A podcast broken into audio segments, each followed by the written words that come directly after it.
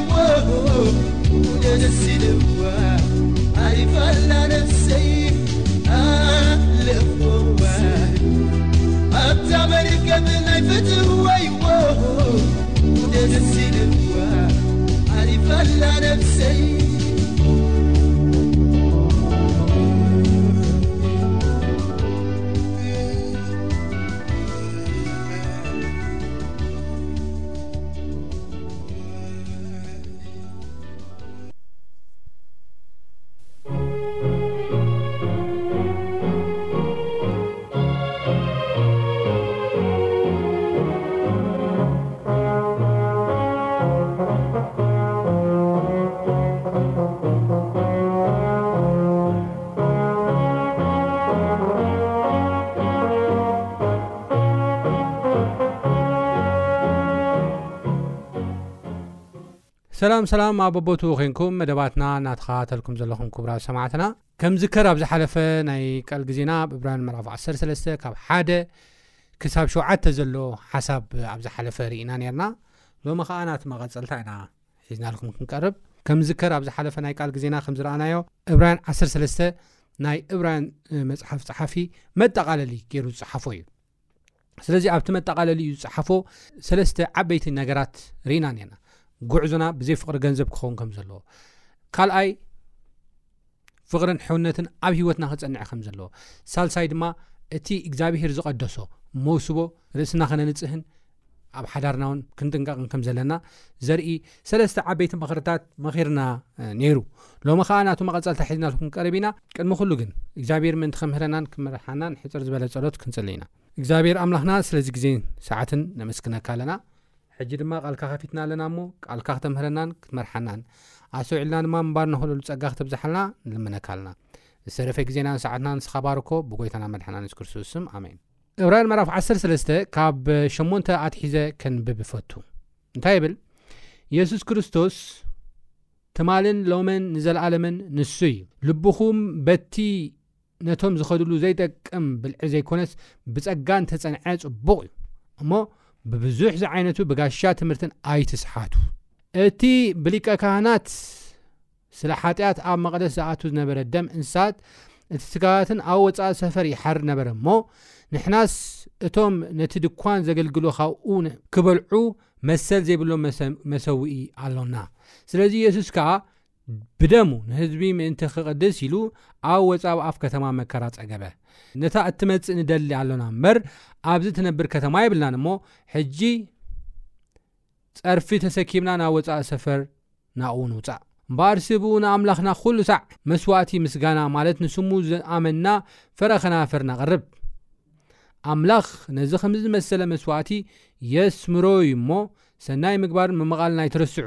ንመራሕትኹም ተኣዘዝዎም ተገዝእዎም፣ ንሳቶም ከምቶም ጸብጻብ ዝህቡ ዀይኖም ምእንቲ ነፍሳትኩም ነቒሖም ይሕልዉ ኣለዉ እሞ፣ ነዚ ብታሕጓስ ክገብርዎ እምበር ብጓሂ እንተ ገበርዎ እዚ ንኣኻትኩም ኣይጠቅምን እዩ። ብኹሉ ደግነት ክንነብር እናደለና ሰናይ ሕልና ከም ዘሎና ተረዲእናዮ ኢና ተረዲእናዮ ኣለና እሞ ጸልዩልና። ኣነ ቀልጢፈ ከም ብሓድሽ ምእንቲ ክወሃበኩም እዚ ክትገብሩ ኣብዚሐ እምዕደኩም ኣለኹ ይብል።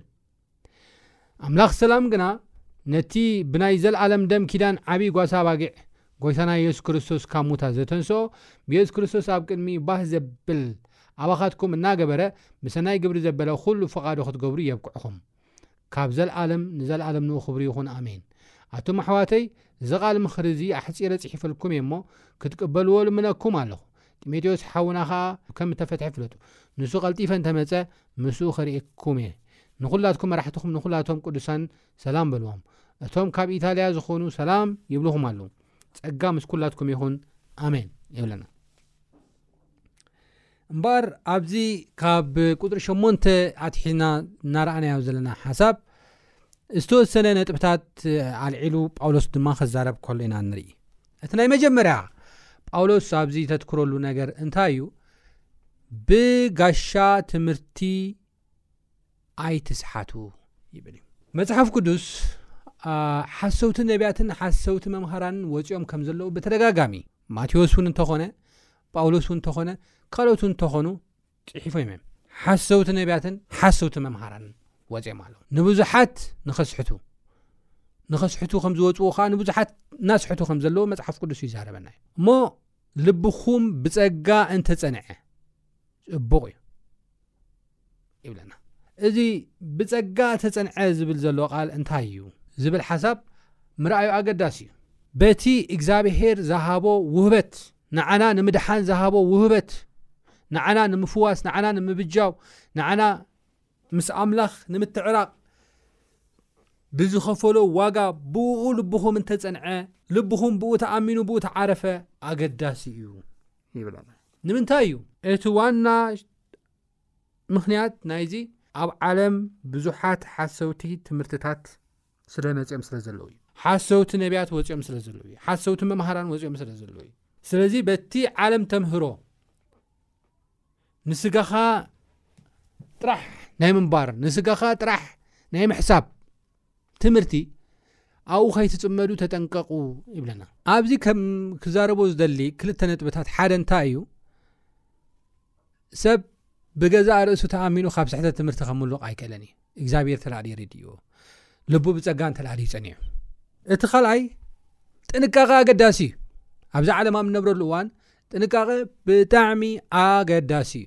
ምስትውዓል ኣዝዩ ኣገዳሲ እዩ። ብምስትውዓል ብጥንቃቐ ምምላስ ኣዝዩ ኣገዳሲ እዩ። ኣነ ክርስትያነ ብክርስቶስ ኣሚነ እንታይ ከይገብረን ኢልካ ምድፋር ፅቡቕ ኣይኮነን። ኩሉ ግዜ ብጥንቃቐ ኩሉ ግዜ እግዚኣብሄር በቲ ዝህበና መምርሒ ክንመላለስ ይግብኣና እዩ። ካብ ሓሰውቲ ነብያታት ክንጥንቀቐሉ ወይ ድማ ዋና ክንሕለወሉ ዝግብኣና ዋና ምክንያት እንታይ እዩ እንተ ኢልና ኣብ ማቴዎስ ከይድና ንሪእሉ እዋን ሓደ ሓሳብ ይዛረበና እዩ። ዮሃንስ ወንጌል ምዕራፍ ዓሰርተ ፍቕዲ ዓሰርተ እቲ ቅድመይ ዝመጹ ይብል ካብ ቁጽሪ ሸውዓተ ትሒዘ ከንብባዮ ሽዑ የሱስ ከም ብሓድሽ በሎም እቲ ደገ ኣባጊዕ ኣነ ከም ዝኾንኩ ብሓቂ ብሓቂ ብለኩም ኣለኹ እቶም ቅድመይ ዝመጹ ኩላቶም ሰረቕትን ጓሓሉን እዮም እተን ኣባጊዕ ግና ኣይሰምዖምን እየን እቲ ደገ ኣነ ዝኣቱ ክድሕ ባይ ዝኣቱ ክድሕን ክኣቱን ክወጽእን ሞጋሴ ክረክብ እዩ። ሰራቂ ብጀካ ክሰርቅን ክሓርድን ከጥፍእን ኢሉ ንካልእ ኣይመጽን እዩ። ኣነ ግና ሂወት ምስ ትረፉ ምእንቲ ክረክባ እየ ዝመጻኩ። እቲ ሕያዋይ ጓሳ ኣነ እየ። እቲ ሕያዋይ ጓሳ ሂወቱ በጃ ኣባጊዑ የሕልፍ።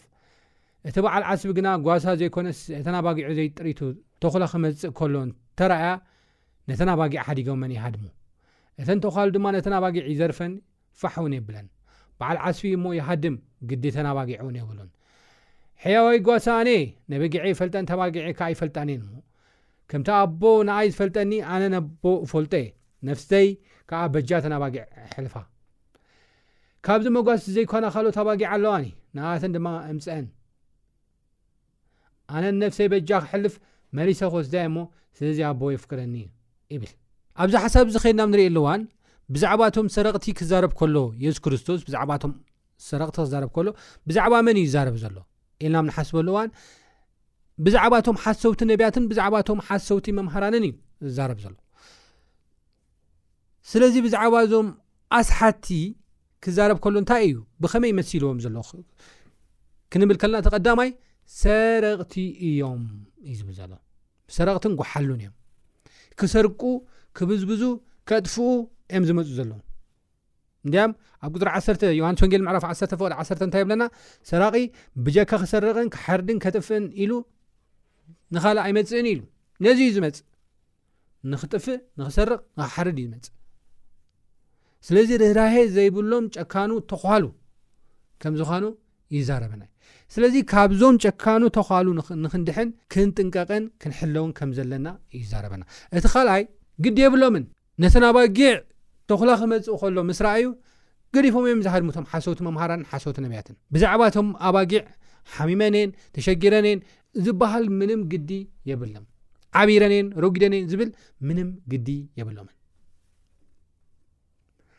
ካብዚ ዝተላዕለ ንሕና እንታይ ክንገብር ይግባኣናይ ካብ ሓሰውቲ መምሃራንን ካብ ሓሰውቲ ነብያትን ክንሕሎን ክንጥንቀቕን ይግባኣና እዩ ማለት እዩ ጳውሎስ እውን ንእብራውያን ዝፅሕፈሎም ዘሎ ነገር እዚ ልብኹም ብፀጋ እንተፀንዐ ፅቡቕ እዩ ብብዙሕ ዝዓይነቱ ብጋሻን ትምህርትን ኣይትስሓቱ ይብሎም እዩ ንኸይንስሕት እንታይ እዩ እቲ ብሕታዊ መንገድና እቲ ጸጋ እዩ እቲ ቃል እግዚኣብሄር እዩ ኢየሱስ ባዕሉ እዩ ኣእምሮና እውን ኣይኮነን ስለዚ እቲ ናይ ሓሶት ትምህርቲ ኣየናይ ኢልና ካብ ነናዲ ንውዕል እታ ሓቂ ብደንቢ ምፍላጥ እታ ብሕታዊት ወሓስናያ ማለት እዩ ኣብቲ ሓቂ ምፅናዕ ኣብቲ ፀጋ ምፅናዕ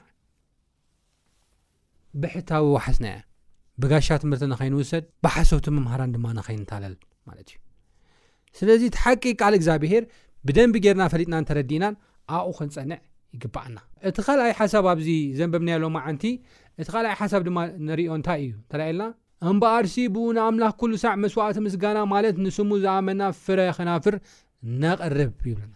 መስዋእቲ ምስጋና ብዙሕ ግዜ ንጸሎትን ቃል እግዚኣብሄር ንምንባብን ንምጽናዕን እቲ ሓቂ ንምርዳእን ብጣዕሚ ኢና ንጎዪ ንፈጥን ንውስን ወሲና ጥራሕ ዘይኮነ ብኡ ውን ንጉዓዝ ኢና ኣብ ጸሎት ብጣዕሚ ኢና ንልምን ንጽሊ ቃል ኣምላኽ ድማ ብጣዕሚ ኢና እቲ ሓቂ ንክንፈልጥ ንክንርዳእ ብጣዕሚ ኢና ንጓየ ፍቕሪ ኣምላኽ ተረዲእና ንኻልኦት ንኸነካፍል ውን ምናልባት ንፈጥን ንኸውን። በቲ በለ በቲ ግን እዚ ኹሉ ሰናይ ኮይኑ ክነሱ፣ ኣብ ሓደ ነገር ግን ሰነፋት ኢና እዩ ዝብል ዘሎ ጳውሎስ። ንሱ ድማ መስዋእቲ ምስጋና ኣብ ምቕራብ ሰነፋት ኢና። መስዋእቲ ምስጋና፣ ፍረ ከናፍርና፣ ኣብ ምቕራብ ብጣዕሚ ሰነፋት ኢና እዩ ዝብል ዘሎ ጳውሎስ። ኣመስግንዎ፣ ምስጋና ንዝግበኦ ጎይታ ኣመስግንዎ ክብል ከሎ ኢና ንርኢ። ኣብ ምስጋና ብጣዕሚ ክንተግህ ኣለና ናብ ኣምላኽ ውን ክንቀርብ ኣለና መዝሙር ዳዊት ምስጋና ምስ ተገብረልካን ምስ ዘይተገብረልካን በቃ ምስቲ ዝረኸብካዮን ጥራሕ ከነተሓዞ ከም ዘይብልና ይዛረብ እዩ ኣብ መዝሙር ዳዊት ምዕራፍ 150 ኬና ንርእየሉ እዋን ናይ መወዳእታ ጥቕሲ ናይ መወዳእታ ናይ መዝሙር ዳዊት ምዕራፍ እንታይ ይብል ትንፋስ ዘለዎ ኩሉ ንእግዚኣብሄር የመስግኖ ሃሌሉያ ይበል ትንፋስ ዘለዎ ኹሉ። ኩነታትና ኣይኮነን ዝነግረና ዘሎ ዝተባረኸ ኩሉ ኣይኮነን ኢልና ጸልዩ ጸለቱ ዝተመለሰሉ ጥራሕ ኣይኮነን ኢልና ኣብ ስርሑ ዝሰለጦ ሰብ ጥራሕ የመስግኖ ኣይኮነን ኢልና ዳዊት ዝዛረብ ዘሎ ነገር ተሃለወ እንታይ እዩ ትንፋስ ዘለዎ ሰብ ኩሉ ንእግዚኣብሄር እንታይ ይግበሮ? የመስግኖ።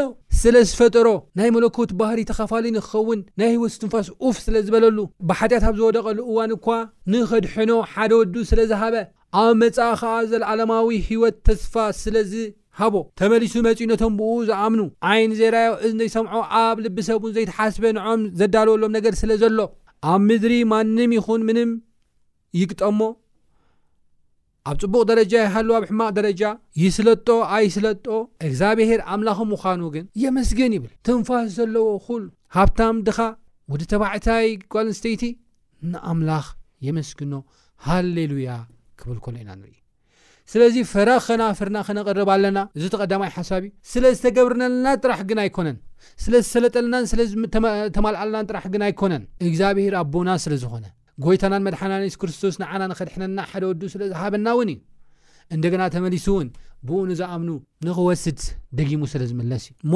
ንእግዚኣብሔር ኣምላኽና ከነመስግኖ ይግብኣና ብእልልታ ብመሰንቆ እንዲያም ኣብ መዝሙር ዳዊት ምዕራፍ 150 ካብ ቁፅሪ ሓደ ኣንቢበ ኣትሒዘ ተዘንብቦስ ከምዚ ይብል ንኣምላኽ ኣብ መቕደሱ ኣመስግንዎ ኣብ ጠፈር ስልጣኑ ኣመስግንዎ ስለቲ ግብርታት ሓይሉ ኣመስግንዎ ከም ብዝሒ ዕቤቱ ኣመስግንዎ። ብድምጺ መለኸትን ኣመስግንዎ። ብበገናን ብመሰንቆን ኣመስግንዎ። ብኸበሮን ብሳዕስዒትን ኣመስግንዎ። ብቓናን ብኣውታርን ብእምቢልታን ኣመስግንዎ። ጭልጭል ብዝብል ጸናጽል ኣመስግንዎ። ብጥዑም ዝደሃዩ ጸናጽል ኣመስግንዎ። ትንፋስ ዘለዎ ኹሉ ንእግዚኣብሔር የመስግኖ ሃሌ ሉያ ኢሉ ዳዊት ክጽሕፍ ከሎ ኢና ንርኢ ማለት እዩ። እምበኣር እቲ ካልኣይ ሓሳብ ኣብ ዕብራውያን ምዕራፍ ዓሰርተ ሰለስተ እናረኣናዮ ዘሎና ናይ ሎማዕንቲ ሓሳብና እሱ እዩ። እቲ ሳልሳይን ናይ መወዳእታን ሓሳብ ኣብ ዕብራውያን ንርእዮ ድማ እንታይ እዩ እንተ ኢልና ኣተሓሒዝና ክልተ ነገር ኢና ኣብ ሳልሳይ ንርኢ እቲ ቀዳማይ ሰናይ ምግባርን ምምቓልን ኣይትረስዑ ከምኡ ውን ንመርሓትኹም ተኣዘዝዎም ተገዝእዎም ዝብል ቃል እዩ።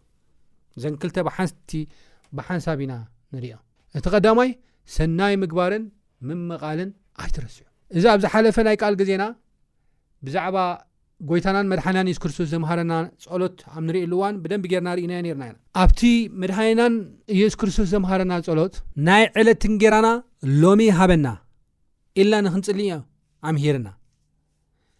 እዚ ናይ ዕለት እንጌራና ሎሚ ሃበና ዝብል ቃል እግዚኣብሄር ይህበና ኢና ዕለት እንጌራና ግን እቲ ንልምኖ ዘለና ኣለማምና ወይ ድማ ንክንልምኖ ዝፀለየልና ነገር እንታይ እዩ እንተደኣ ኢልና እንጌራና ኢልና ንክንፅሊ እዩ እንጌራና ማለት እንታይ እዩ ናትካን ናይ ካልኦትን ማለት እዩ ንዓይ ሃበኒ ኢና ንብሎ ዘለና ናተይ እውን ናይ ካልኦትን እውን ንዓይ ሃበኒ እቲ ምንታይ ሲ ኣነ ተቐቢለ ንዕኦምን ክቦም እየ እሙን ኮይነ እሙን ባርያ ኮይነ ተቐቢለ ንዕኦምን ከካፍሎም እየ ከማቕሎም እየ እናበልና ንኽንጽሊ እዩ ነጊርና። ጐይታ ከምቲ ፍቓዱ ናይ ዕለት እንጌራና፣ እንጌራኻ ዘይኮነስ እንጌራና፣ ናይ ብዝሕነት ቃል እዩ ዘሎ ኣብዚ፣ ክበና ከሎ ንኻልኦት ናይ ምምቓል ክንርስዕ የብልናን። ምኽንያቱ እታ ጸሊና ዝረኸብናያ ናይ ዕለት እንጌራና ንረኽባ ዘለና ናይ ካልኦት ሽም እውን እናጸዋዕና ኢና ንረኽባ ዘለና። ነቲ ካልእ እውን ከማቕሎ እየ፣ ነቲ ካልእ እውን ከካፍሎ እየ ኢልና ኢና ንቕበሎ ዘለና። ስለዚ ክንርስዕ የብልናን። እንተ ደኣ ንርስዕ ኮይና እቲ እግዚኣብሄር ዝሃበና ናይ ዕለት እንጌራና ንኻልእ እንተ ናይ ንማቐል ኮይና ኣሸጋሪ እዩ ዝኸውን ዘሎ። ስለዚ ክንርስዕ የብልናን። እግዚኣብሄር ዝኸብር እውን ብኡ እዩ። ንኻልኦት ከነካፍልን ንኻልኦት ክንመቅልን ከለና እዩ እንጀራና ንጥሙይ ንዝተሸገረ እንጌራና ከነካፍል ከለና እግዚኣብሄር ብኡ እዩ ዝኸብር። ስለዚ ክንርስዕ የብልናን ኩሉ ግዜ ክንዝክሮ ዘለና ነገር እዚ እዩ ክንለማመዶ ዘለና ነገር እዚ እዩ ኢንፋክት ክንህብ ከለና ከነማቕል ከለና እግዚኣብሔር ንስኻ ኢኻ ሂብካኒ ጽባሕ እውን ንስኻ ኢኻ ትበኒ ተንብረኒ እውን ንስኻ ኢኻ ናይ ዝብል እምነት ኢና ነንጸባርቕ ዘለና ማለት ከምዚ ዓይነት ህይወት ድማ እግዚኣብሔር ዝኸብረሉን ካባና ዝደልዮን ነገር እዩ እሞ ብደንቢ እዚ ዓይነት ነገር ከናካፍል ኣለና ኣብ ናይ መወዳእታ ሓሳብ ንመራሕትኹም ተኣዘዝዎም እዩ ዝብል ዘሎ ኣብዚ ናይ ቤተ ክርስትያኖም ናይታ ማሕበር ዝነበሩ መራሕቲ ነይሮም ስለኦም ዝጽልዩ ስለኦም ቃል እግዚኣብሄር ዘምህርዎም መራሕቲ ነይሮም በዓል ጳውሎስ ማለት እዩ ስለዚ ንዕኦም ጸሊሎም ቃል እግዚኣብሄር ብደንቢ ከምህሩ እቲ ሰም ዝብልኹም ድማ ግበሩ ኣገልግሎ ክብልኹም ከለዉ ገልግልዎም ርድኡ ንኻልኦት ኣካፍሉ ክብልኩም ከለዉ ድማ ነዞም ናይ ሃይማኖት መራሕትኹም ተገዝእዎም ክብል ከሎ መጽሓፍ ቅዱስ ይዛረበና ማለት እዩ። እዚ ብምግባር ንእግዚኣብሄር ምኽባር ክንመላለስ ድማ ይዛረበና። ኣብ መወዳእታ ብኹሉ ደግነት ክንነብር እንደገና ድማ እዚ ብምሉእ ዝተባህለ ኣብ ዝሓለፈ ዝረኣናዮን ሎሚ እውን ዝረኣናዮ እዚ ክትገብሩን ኣብዚሐ እምዕደኩም ኣለኹ እናበለ ደጊሙ ክዛረብ ከሎ ጳውሎስ ኢና ንርኢ ኣብ ዕብራውያን ምዕራፍ ዓሰርተ ሰለስተ ማለት እዩ እሞ እ፣ እዚ ክንገብር ከም ፍቓድ ድማ ክንመላለስ እግዚኣብሔር ጸጉኡ የብዝሓልና ኣብ ዝቕጽል ብካልእ ክሳብ ንራኸብ ሰላም ኩኑ ጎይታ ይባርኩም